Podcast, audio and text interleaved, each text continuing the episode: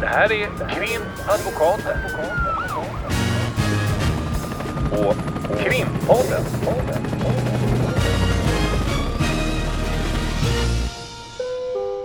Parter och ombud kallas till sal 32. Hej Lotta! Hej Ulrika. Idag sitter jag med extra rak rygg, för du brukar ju alltid säga att jag ska sitta sitt med rak rygg eftersom annars så knarrar jag så väldigt mycket i min knarriga röst. Och Mm, du knarrar jag- och jag låter sådär barnslig på rösten. eller som du. Sitt med rak rygg. Så när Vet pratar jag så? jag, vet du varför jag just idag måste sitta med extra rak rygg? Nej, berätta. Det är nämligen så att vi har varit på bolagsresa. Mm. Det har ju du varit med på. Ja, jag har varit med på det, så Ja, det visste jag ju. Men jag det visste inte du. att det var därför du var tvungen att sitta med rak rygg. Och jag ska säga att vi var på en fantastisk resa eh, med delägarna där vi har varit i Kiruna. Och i Jukkasjärvi. Yes. Och vi har åkt hundsläde. Mm. Och vi har varit nere i LKAB-gruvan. Och vi har varit på Royal Nattklubb. Mm. Men sen har vi också suttit i Och på ishotellet. på ishotellet Ja, var vi och tittade, såklart. men vi Ja. bodde inte där. Det Nej. var ju, tack och lov, det var ju fint där, men det var iskallt. Mm, det är Men fantastiskt sen fint så där. har vi suttit och konfererat och konfererat och vad som var bra var att vi åkte nattåg upp och så åkte vi nattåg hem. Så vi har haft en massa tid till att eh, gå igenom alla, ja men sådär som man har när man har bolagsmöte, det har ju vi kanske någon gång var sjätte vecka ish. Mm. Och så har Det är vi precis var sjätte vecka. Ja, det är det. Mm. Du sammankallande. och då har vi suttit och konfererat kring olika saker som har med bolaget att göra och det handlar allt eh, ifrån eh, avtal med eh, kopieringsmaskinsfirman till löner. Ja, Till kommande saker. fester och framtidsvisioner. Och Yes. hur många fantastiska lyssnare vi har på den här podden. Det satt vi och pratade om jättemycket. Mm, det vill vi gärna prata om. Och nu kom vi hem då. Idag är det tisdag kväll är det. Eh, och vi kom hem igår morse. Mm. Men vi är fortfarande lite trötta. Det var inte helt enkelt att sova på det där nattåget. Nej, jag tror att det är både det ehm, och sen så sitter vi ju sent också. Mm. Vi gillar ju att hänga med varandra också, vilket ju också är fantastiskt. Ehm, så att det var ju intensiva dygn, Ja, det det måste man kan man verkligen säga. säga. Ja. Så nu... Med alla intryck och sånt också. det är såklart, det man var är lite fantastiskt trött. vackert. Alltså, det var ju strålande sol, förhållandevis inte kallt. Det var väl ett antal minusgrader, men det var ingen som dog av det. Och sen så var det ju jättevackert. Ja, verkligen. Verkligen. Så det är en rekommendation Men, eh, då. Ta nattåget till Kiruna och eh, eh, Om du har ryggproblem och sen behöver sitta uppsträckt. jag har ingen ryggproblem. Jag har bara att jag har en knarrig röst. Ja, då har du rätt i. Men eh, och, och då vill jag bara flika in där att jag är väldigt glad att du då efter det 54 avsnittet hörsammar mitt tips. Okej. Inte för att jag tycker att du har haft knarrig röst, men jag vill ju mest bara säga att det här är vårt 54 avsnitt. Ja, det är mycket. Det är faktiskt det. Och i 53 avsnittet så pratade vi ju om kronvittnen. Mm. Och eh, det är ju intressant eftersom vi nu så här två veckor senare eh, läste i tidningen att, eh, eller kan läsa i tidningen att det nu är så att när vi pratade om det så sa vi det att det är Lagrådet och Advokatsamfundet och Krimpodden avråder ifrån ett införande av eh, kronvittnessystem. Men Ja. eh, nu har vi då Ja. fått besked om att eh, regeringen går förbi det. Precis, och då är det ju så att eh, bara för att rekapitulera det här med, med kronvittnen, det kan ju eh, om man lyssnar på förra avsnittet så har man kanske koll, men hoppar man in nu så ska man ju veta att vad det handlar om då, det är att man genom att berätta vad andra har gjort för brottslighet, att man själv ska komma undan och få rabatt på sitt eget straff. Mm. Och vad vi, eh, tillika lagrådet, eh, hade för synpunkter, även advokatsamfundet, Eh, var ju just att det, eh, dels så fanns det en del tveksamheter när det gällde rättssäkerheten, men att det inte heller är sannolikt ett särskilt effektivt system och att det kanske är så, tycker i alla fall vi, Mm att eh, politikerna kanske vill, som du brukar säga, slå på liten trumma. Och, Jag säger alltid fel. Ja, jag jag måste vet. Jag läsa aldrig på det det där. Oseriöst att jag inte kollar upp det. Jag det brukar säga om- slå med stora pinnar på liten trumma. Okej. Men det är ingen som fattar vad jag menar med det, för det är ju tvärtom. Slå med eh, små pinnar på stor. Jag ska ja, kolla jag det tycker till det verkar som gång. att man ska slå med väldigt mycket pinnar både på alla trummor för att visa för Många för pinnar det på man, stor trumma. för Vi att kör det. visa för det all, man tror att allmänheten är intresserad av, Mm. nämligen att, att det här är ett bra system. Det här är ju valår som vi har sagt tidigare och vi lever i en demokrati. Då kan man ju tänka så här. Nu kommer det sig att lagrådet då får bli eller kan bli överkörda Mm. av justitieministern och regeringen. Och så är det, därför Mm. att det är inget lagråd. Lagrådet består ju av ledamöter ifrån de högsta domstolarna i Sverige. Och eh, det är ju inte så att de eh, på något sätt kan sätta sig över riksdagens beslut. För riksdagen bygger på folkmajoritet och det är riksdagen som stiftar lag. Eh, och så är det ibland, även om man kanske inte är jättesugen på den här lagen från vår del. Och eh, att det kanske blir så trots allt, att det faktiskt blir så att det kommer att läggas en proposition Mm. till riksdagen från regeringen Med största sannolikhet. med jättestor sannolikhet, Mm. super, super, duper stor.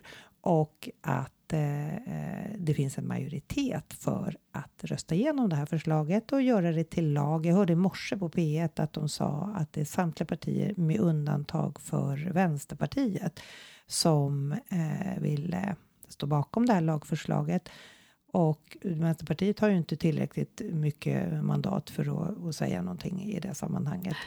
Tidigare har det ju varit så att det har varit andra partier som också har varit emot det här. Men jag tror lite, om jag får sticka ut hakan, att ju närmare valet vi kommer så vågar man inte riktigt säga nej till någonting som verkar handlingskraftigt. Och som man kopplar till gängkriminaliteten Mm. eh, i, i den utsträckning som man gör med det här förslaget. Men det, och man ska säga det, det är inte första gången de går emot lagrådet heller. Vi hade ju samtyckesregleringen som var aktuell för några år sedan. Ja, och även det här gymnasieförslaget, det här eh, med afghanska Ja, just det. ensamkommande flyktingbarn. Mm. Men eh, det skulle jag nog säga att man ska ju inte skilja på högt och lågt när det gäller lagrådet och lagstiftning. Men i min värld så är det ganska allvarligt. Och det Mm. vet jag att det är även i din värld. Mm. Att man börjar peta på de här sakerna. För att eh, det tog vi upp förra avsnittet också. Att när den lagstiftningen som har funnits ganska ny från tidigare. Att om man medverkar att utreda sin egen brottslighet i en utredning så kan man få rabatt. Och sa Mm. man då eh, när man la det lagförslaget. Det är ju inte alls frågan om kronvittnen här. Så går det några år och nu har vi kronvittnen på bordet. Och nästa steg är ju om man är Ja. lite negativ. Att vi har Anonyma vittnen. mm, Därför det börjar redan komma in i diskussionerna. mm, Eller återupptas i Och det är diskussionerna det ska vi som- säga. Precis. Jag kanske också ska sträcka på mig lite hör jag nu. Eh, det tycker jag verkligen.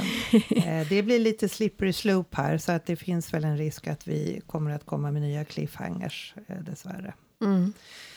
Men vi ska ju kanske snacka cliffhanger. Exakt. Eh, och då hade vi en cliffhanger i förra avsnittet eh, som ju gällde att du i egenskap av ledamot eh, i disciplinnämnden i alla dina roller du har i din tillvaro.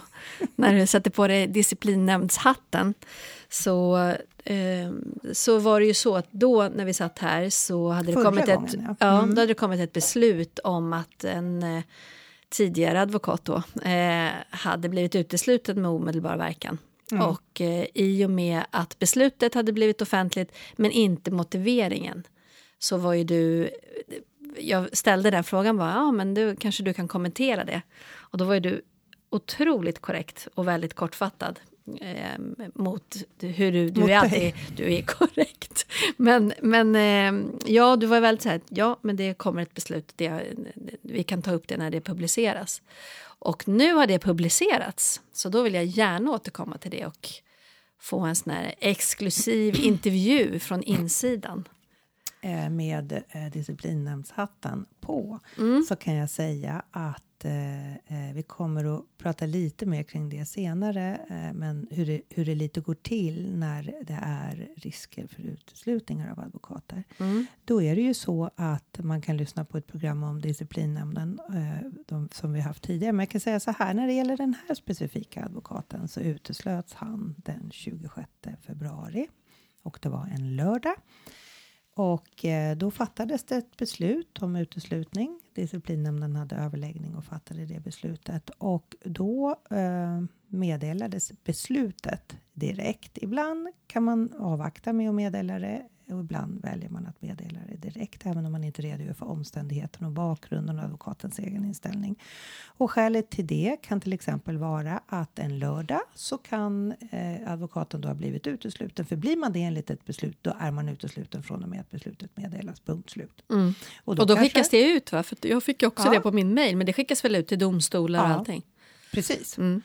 Och om vi inte då hade meddelat det beslutet på lördagen, då hade det kunnat vara så att en jourdomstol hade ringt upp den här advokaten. Och sagt, alltså delgivit det beslutet menar du nu? Ja, ja. om vi inte hade... Meddelat, men alltså att tala ja, ja. om, för Nej, informerat precis. om det. Mm. Mm. Då hade advokaten kunnat bli uppringd av en, en jourdomstol som verkar på helgerna och sagt att vi har en, en person här som önskar sig dig. Kan du tänka dig att vara offentlig försvarare? Och eh, det går ju inte, för man kan inte vara offentlig försvarare om man inte är advokat. Nej. Så därför så meddelade disciplinnämnden beslutet och sen eh, har det nu i dagarna då kommit själva underlaget för beslutet mm. och hur, hur nämnden har resonerat. 46 sidor. Det är ganska långt. Mm. Eh, och eh, då är det ju bland annat av den eh, orsaken att den, eh, det var ganska många ärenden. Det var nio ärenden som skulle gås igenom. Det, det, jag har varit med i den här nämnden i, i snart två år. Om man överdriver lite så snart är det två år. Ja. Efter sommaren är det mm. i alla fall. Eh, det är ganska många ärenden och de muntliga inställelserna jag varit med på tidigare så har det inte rört sig så här många om så här många ärenden. Men de allra och han flesta, har inte varit så länge advokat? Eller? Nej, han har varit advokat mindre än fyra år. Mm. och han har också då tidigare disciplinpåföljder. Att han har fått ganska allvarliga påföljder tidigare. Bland annat två varningar med straffavgift på grund av eh, att nämnden har ansett att han har brutit mot god advokatsed. Eh, I vart fall så var det de här antalet eh, ärenden och då ska jag säga att det handlar om att han har blivit anmäld av klient. Han har också blivit anmäld av domstol och åklagare lite så eh, blandat. Och nu är jag inte hundra på om det var åklagare, men i alla fall generellt sett så handlar det ju om att nämnden tar ju upp anmälningar från olika parter. Mm. Klienter, domstolar, åklagare, poliser det kan också, och nu menar jag inte i det här ärendet, det kan också tas upp av styrelsen direkt. Så om styrelsen uppmärksammar någonting, Advokatsamfundets styrelse, så kan de skicka över det till nämnden och säga att vi vill att ni tittar på det här. Och då blir det ett ärende i nämnden. Och i det här fallet så var det så att det var en hel del av de ärendena som var föremål för prövning var en, en var ifrån en annan advokat, en var ifrån en klient, flera var ifrån eh, eh Advokatsamfundets styrelse. I vart fall så slutade det med att eh, man gjorde en bedömning och det som var grunderna för den här bedömningen. Man tittade på samtliga ärenden. Man såg också att han hade jobbat så pass kort tid och brutit ganska flagrant redan innan och vad det bland annat rörde sig om. Det är det som det har stått mycket om i media, att det har varit brister i kostnadsräkningar. Eh, man kan säga så här att det som har stått i media, det eh, höll inte nämnden på att sitta och, och, och döma över eller ha beslut om. Nej. Utan det här är ju, är ju lite äldre saker. Så man kan lämna det där som har stått i, i Aftonbladet och Expressen. I, till exempel. Mm, till exempel. Mm. Eh, men ska säga att det handlade om brister i kostnadsräkningar, eh, slarv och det handlade om ja, mm. en, eh, brister i kostnadsräkningar. Men sen handlar det också om att man ansåg från nämndens sida att han hade tagit på sig för många uppdrag och också uppdrag som man inte klarade. Mm. Och det här med att ta på sig för många uppdrag. Ja, för jag tänkte på det, för det kan ju låta som att det finns någon sån här gräns för hur många uppdrag vi kan ha om man tar utifrån vårt perspektiv som brottmålsadvokater. Och det finns det ju inte, utan där får man ju gå till sin egen, det här att man måste eh, med nit och omsorg tillvarata sin klients intressen. Och så länge man klarar av det i varje enskilt fall så har man egentligen rätt att göra en egen bedömning hur många eller hur många mål man kan ha på en gång.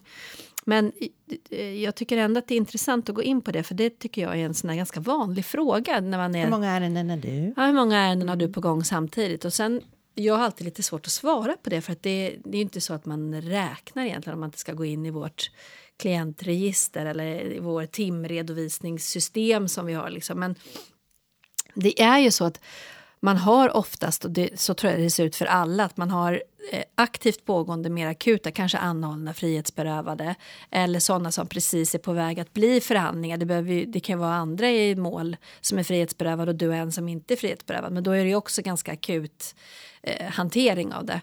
Och sen är det de här som, som eh, det är bokat en huvudförhandling och man vet att man, man har liksom påbörjat själva handläggningen av ärendet. Men sen finns det ju ganska många ärenden skulle jag vilja säga som kanske har varit ett förhör och eh, man kanske kallas efter ett halvår till på ett förhör och, och sen blir det slutdelgivning och det är liksom inga frister. För så, om det är till exempel en misstänkt så, eh, som inte är frihetsberövad då är det egentligen inte fristorienterat om det inte är en ungdom för då ska det hanteras skyndsamt. Liksom. Så att, eh, jag kan tycka att det är ganska svårt att svara på det men i det här fallet är det väl så att man har gjort en bedömning att han inte har förmått eh, ta hand om alla sina ärenden därför att han har satt andra i sitt ställe och olovligt också i, i flera fall vad jag förstår. Ja, precis. Eh, man, man, måste alltså begära, man, det låter så olovligt. olovligt. Men man måste begära, eh, man måste få rätt, rätten mm. att sätta en annan i sitt ställe. Precis. Substituera och, och, och vad, vad, vad, man kan säga då eh, att om man då sätter en annan advokat eller biträdande jurist i sitt ställe för att man inte kan gå på ett förhör. Det kan hända. Det är inte mm. så jätteovanligt att det händer om polis eller domstol ringer upp och säger det är den här dagen som gäller. Mm. Eh, om man sitter i ett annat mål. Mm. Och då säger man jag kan inte den dagen, jag är jätteledsen men jag kan den och den dagen. Och då säger domstolen det är den här dagen som gäller. Mm. Då får du sätta någon annan i ditt ställe och då får man be domstolen om att göra det och det är ganska obekvämt därför att då måste man ju ja, släppa en klient mm. som inte alls kanske vill bli släppt ja. och man är inläst på ärendet. Man har haft mycket kontakt och så, så det är ingenting skojigt att behöva sätta någon annan i sitt ställe. Men i det här advokatfallet som vi pratar om nu, då menar man att han han har dels inte bett om att få det av domstolen, men sen har han också, eh, när man menar att han har tagit in för mycket uppdrag, att han har till exempel inte inställt sig till en, en rättegång. Eh, vilket eh, inte innebar, dykt upp. Inte dykt upp mm. och då fick den ställa sig in och det, det får ju konsekvenser inte bara för klienten utan för andra. Eh, och sen eh, kan jag också slutligen säga, jag behöver inte gå igenom varandra punkter i det här ärendet, men han har också som man säger brustit i sitt principalansvar. Eh, därför att anställda på hans byrå fått ta sig an uppdrag som de inte behärskade eh, och inte han själv heller. Eh, då är det så att eh, principalansvar det är ju någonting som vi har som advokater. Mm. Vi följer de etiska reglerna. Vi är tvungna att följa de etiska reglerna eh, och har vi då anställda som inte är advokater, då är de också tvungna att följa de etiska reglerna och det är vi som ska övervaka att de gör det. Mm. Vi ska lära upp dem hur de ska hantera juridiken. Vi ska också lära upp dem hur man ska hantera myndigheter, klienter, anhöriga, allt sånt. Det är ju en del i, i vår hantverksutbildning. Mm. Men vi ska ha en löpande kontroll över vad de skriver som kommer till myndigheter eller till motparter eller till klienter. Vi ska också ha kontroll över hur de uppför sig i rätten och hur de juridiskt argumenterar. Vi ska ha kontroll. Mm. Och vi ska inte bara säga vad bra, sköt det där nu då utan vi ska finnas med löpande och det kallas för principalansvar. Mm. Och gör de någonting fel som en advokat skulle få hamna inför disciplinnämnden för, då hamnar principalen, nämligen mm. advokaten inför disciplinnämnden mm. och blir ansvarig för vad den anställda biträdande juristen har gjort misslyckats med helt enkelt. Mm. Och där hade vi då, eller nämnden också då synpunkter på det. Mm, men det var väl när jag bara läste en sammanfattning om det här så det var det väl också så att han hade brustit i oberoendet. Det är ju en sån där eh, regel, etisk regel som jag kan tycka är, ganska viktig, precis som klientlojaliteten, att man måste vara oberoende. Att det var en nära anhörig till eh, honom som hade eh, velat att han skulle företräda mm. hen i ett mål som gällde ett område som han inte behärskade.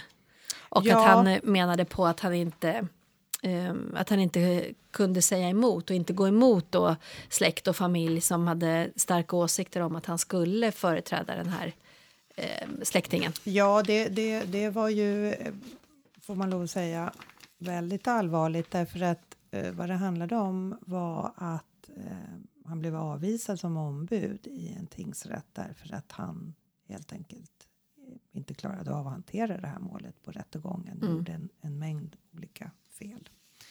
Eh, och då, som du säger, då eh, sa han till sitt försvar att han kände sig tvungen att driva det här ärendet för sin släktings, nära släktings eh, skull därför att eh, det var familjen som tryckte på. Det var väldigt viktigt för honom. Eh, och att han, han kunde helt enkelt, han, han, han hade ingen val. Mm. Och då när vi pratar om att en advokat ska vara oberoende och ha integritet, det är det som man säger är advokatens kärnverksamhet. Alltså I advokatverksamheten så finns det kärnvärden. Mm. Och det här är en av kärnvärdena, att advokaten ska vara fri och obunden. Och då är inte det bara obunden och fri gentemot domstolar utan vara en lojalitet mot klienten och inte springa efter andras pipor. Eh, domstolar, åklagare, poliser, banker, Försäkringskassan, whatever. Mm. Man ska vara fri och oberoende. Man ska ha en hög eh, svansföring som man kan kalla för integritet. Mm. Och eh, vad som nämnden såg väldigt allvarligt på det var att eh, han själv ansåg att det var en förmildrande omständighet med att han hade tryck ifrån familjen. Och det, Mm. det är väl snarare precis tvärtom att eh, man kan inte anses vara fri och oberoende om man är så anser sig själv vara tvungen att ta Ja, ett ärende. Och då om man liksom släpper den situationen och tänker som för oss om Mm. det skulle knacka på här på dörren nu. Nu är klockan ganska sent, men Mm. eh, det kan ju vara så att någon knackar på dörren här och säger hej. Eh, Lotta, jag vill att du ska bli eh, min advokat här. Det gäller ett eh, jättesvårt arbetsrättsligt ärende som ska upp i Arbetsdomstolen här Mm. på torsdag imorgon, Mm. eh, övermorgon. Övermorgon. Ja, och, och, och så säger du så här, nej, jag tror inte jag hanterar den här typen av juridik. Och sen så kommer hela hans familj här kanske, eller hans polare och säger, nu tar du det där ärendet. Mm. Usch, då skulle jag säga nej, jag vet att jag inte hanterar det. Arbetsrätt Mm. är någonting som jag alltid har hållit mig långt ifrån ska sägas. Men sen kommer Men- alla hans kompisar och grinar här och hela hans släkt och säger snälla, snälla, snälla, snälla, om inte du gör det så, så han kommer inte klara sig, han kommer ta livet av sig och, och vi kommer ta livet av dig. Mm. Och då går du med på det här. För att du är utsatt Vad vill du press. komma nu? Ska jag, Ja. Vad ska jag svara? Då ska du svara. Jag blir alldeles nervös. Ja. Nej, då säger jag Nej. nej. Säger, när jag är oberoende och, och, och jag eh, har bara klientlojalitet, kan man ju tänka sig klienten, den Ja, vill ju precis. verkligen att du ska vara lojal med den. Mm. Och, det- följa man med den till Arbetsdomstolen. Vad säger du om det då? Det är ju klientlojalitet så det bara smäller om. Nej, utan då, då är man väl från början är man väldigt tydlig gentemot klienten att av omsorg om dig så tar inte jag det här därför att det kommer inte gå bra för dig. Men däremot så kan jag kanske hjälpa till att hitta någon som jag vet är bra på arbetsrätt just. Men tar du med mig så kan du lika gärna gå själv. Nej, jag Ja. kan ju läsa på. Nu ska vi inte underminera sig själv. men, Men, men bedömer två man dagar att, så är det ju Bedömer arbetsrätt man är ju- att man inte kan det här området. Ska man säga nej? Ja, då ska man säga nej. Och det är ju inte lojalt mot klienten, precis som du säger, att Mm. man går och företräder en klient och, och, och gör på ett sätt som är mycket, mycket dåligt för klienten. Eh, och, och då är man ju inte fri och oberoende och, och, och har en integritet som är de här kärnvärdena man pratar om advokatsverksamheten. Eh, och det, det eh, säger man att det, det, det är inte bra. Det var inte bra att han inte avböjde det här uppdraget eftersom eh, han saknade kompetens för det och, och han visade också det inför domstolen som gjorde att han blev avvisad. Men Så att- får jag fråga Ulrika, för nu sa du så här att man såg eh, synnerligen också allvarligt på att han eh, ville anföra det som en, eh, en förmildrande omständighet, att han inte kunde stå emot sin familj och att han egentligen då försvarade Nej, man det kan här inte att... säga så att, att, att... Eller man kan säga så här att jag, jag kände mig tvingad att göra det här eh, av olika skäl som han redogjorde för. Så att Mm, Men han tänkte att han försvarade sig mot en annan anklagelse, det vill säga att han kom och inte ehm, kunde sitt ämne, eller hur? Och att han gjorde det så dåligt så att han blev avvisad. Men Nej, det han, som han försvarade fram... sig mot varför han, han vidgick själv att han hade brister Ja, eh, i rättegången. Eh, Men att han, han kunde inte hantera att säga nej till, till familjen som Mm. hemskt gärna ville att han skulle ha det här uppdraget. Mm. Och, och så kan det ju vara. Du, eh, men, eh, men Ja, det, då föll han liksom på att... Ja, det, det är ju inte att vara fri och oberoende oavsett vem det är som utövar Nej. påtryckning mot en.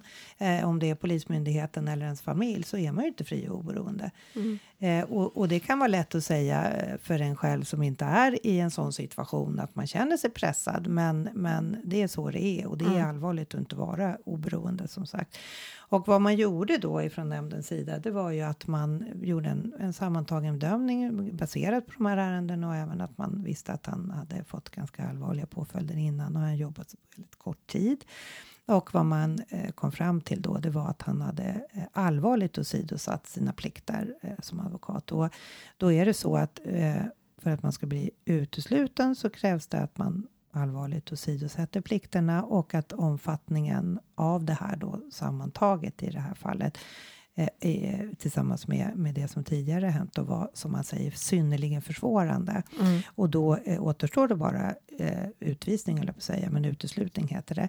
Och det, det här regleras i, i rättegångsbalken, det här är lag. Mm. Att eh, om det är synnerligen försvårande, då regleras det här i, i eh, åttonde kapitlet, sjunde paragrafen i rättegångsbalken och då är det uteslutning som, som det är det enda alternativet. Och det var det som skedde. Så han blev då utesluten på grund av de allvarliga överträdelser och förseelser han har gjort och i de här samtliga antalet ärenden.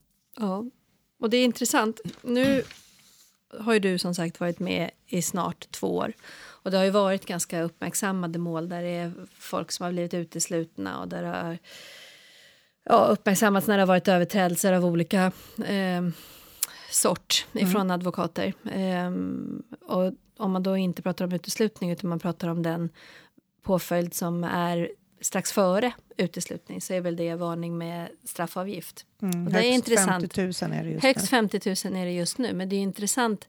Nu då så har det kommit ett nytt förslag. Vill du redogöra för det? Eller ska jag göra det när jag ändå snackar? Ja, du. det tycker jag. Tycker jag ska göra det? Ja, så att inte jag Nej, men jag, jag tyckte det var intressant därför att nu föreslår man att eh, det ska ändras och höjas eh, den här högsta straffavgiften och den ska höjas ända upp till 250 000.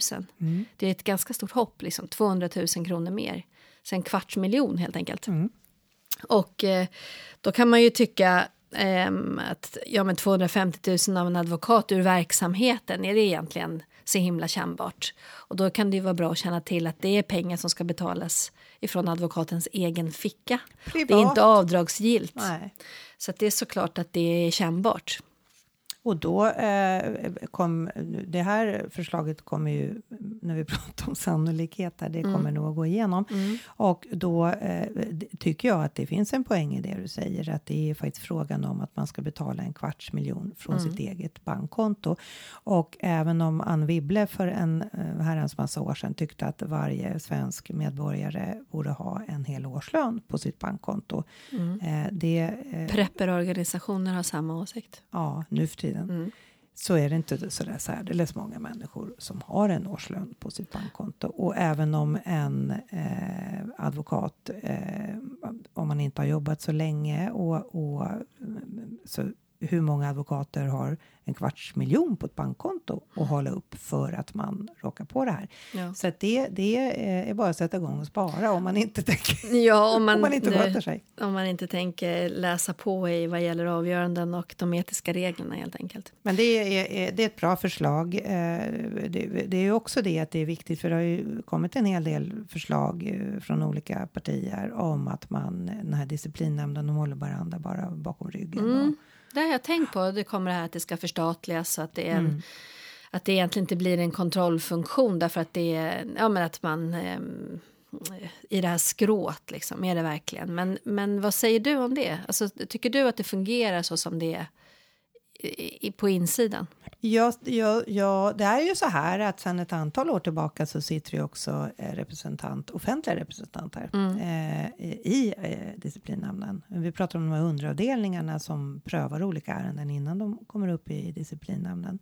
Där är det eh, tre ledamöter, varav en, en av tre i mm. underavdelningarna är, eh, eller prövningsavdelningen som det kallas, är en offentlig representant. Som inte är jurist då, eller så, i alla fall inte verksam? Ja, eller nej, ja nej, kan mycket väl vara jurist, men inte är advokat. Praktiker, ja, liksom. ja precis. precis.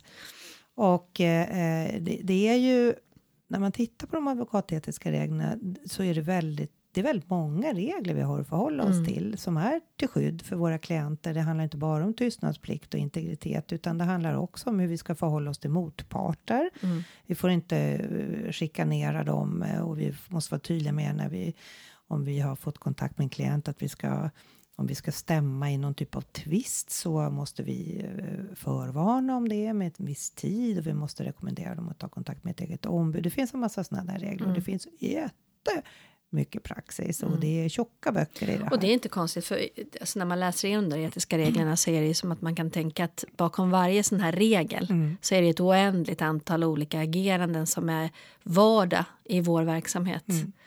Eller hur? Jag menar, vi märker det på byrån, vi pratar ju oerhört mycket Mm. inte just etikregler, men hur, hur ska jag tänka i det här? Om man nu ser till, Mm.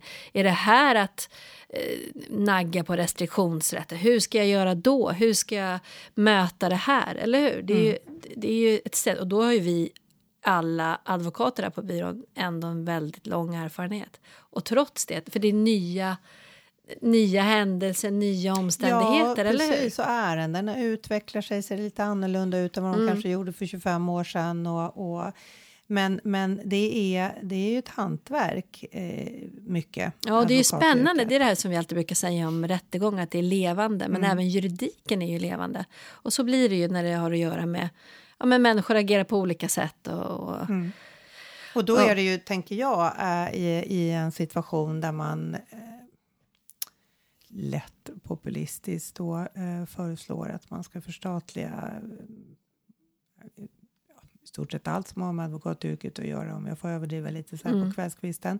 Men eh, jag har svårt att se hur att det inte ska finnas då eh, medlemmar av advokatkåren som kan guida då resten i de här eh, intrikata eh, reglerna som vi har att följa. Nej, men jag tror att det skulle vara förödande. Jag kan inte, ibland när vi pratar om det där, vilka skulle sitta i det? Då? Att, och vilka skulle man vända sig till? Kanske några politiker, ehm, kanske några jurister på något annat, något justitieutskott eller något sånt där. Och sen eh, kanske från andra rättsliga myndigheter, kanske någon domare eller någonting sånt. Och det är, jag vill nog påstå att det är omöjligt att vara insatt i, i hela finliret och ha förståelse och, och eh, angripa de olika situationerna utifrån rätt perspektiv. Precis som det skulle vara för oss som vi, vi skulle inte kunna sitta i en domarnämnd. Jag kanske i, i oerhörd minoritet liksom. Därför man, är, man har ju inte inblick i hantverket Och då får man på väl det vara sättet. ödmjuk, tänker jag. Att-. Att, att förstå att man inte har eh, tillräckliga kunskaper. Nej. Och, då, eh, Och respekt för yrkesskickligheten. Ja, liksom. precis. Och problemet är väl att det snarare är, är även det ett prov på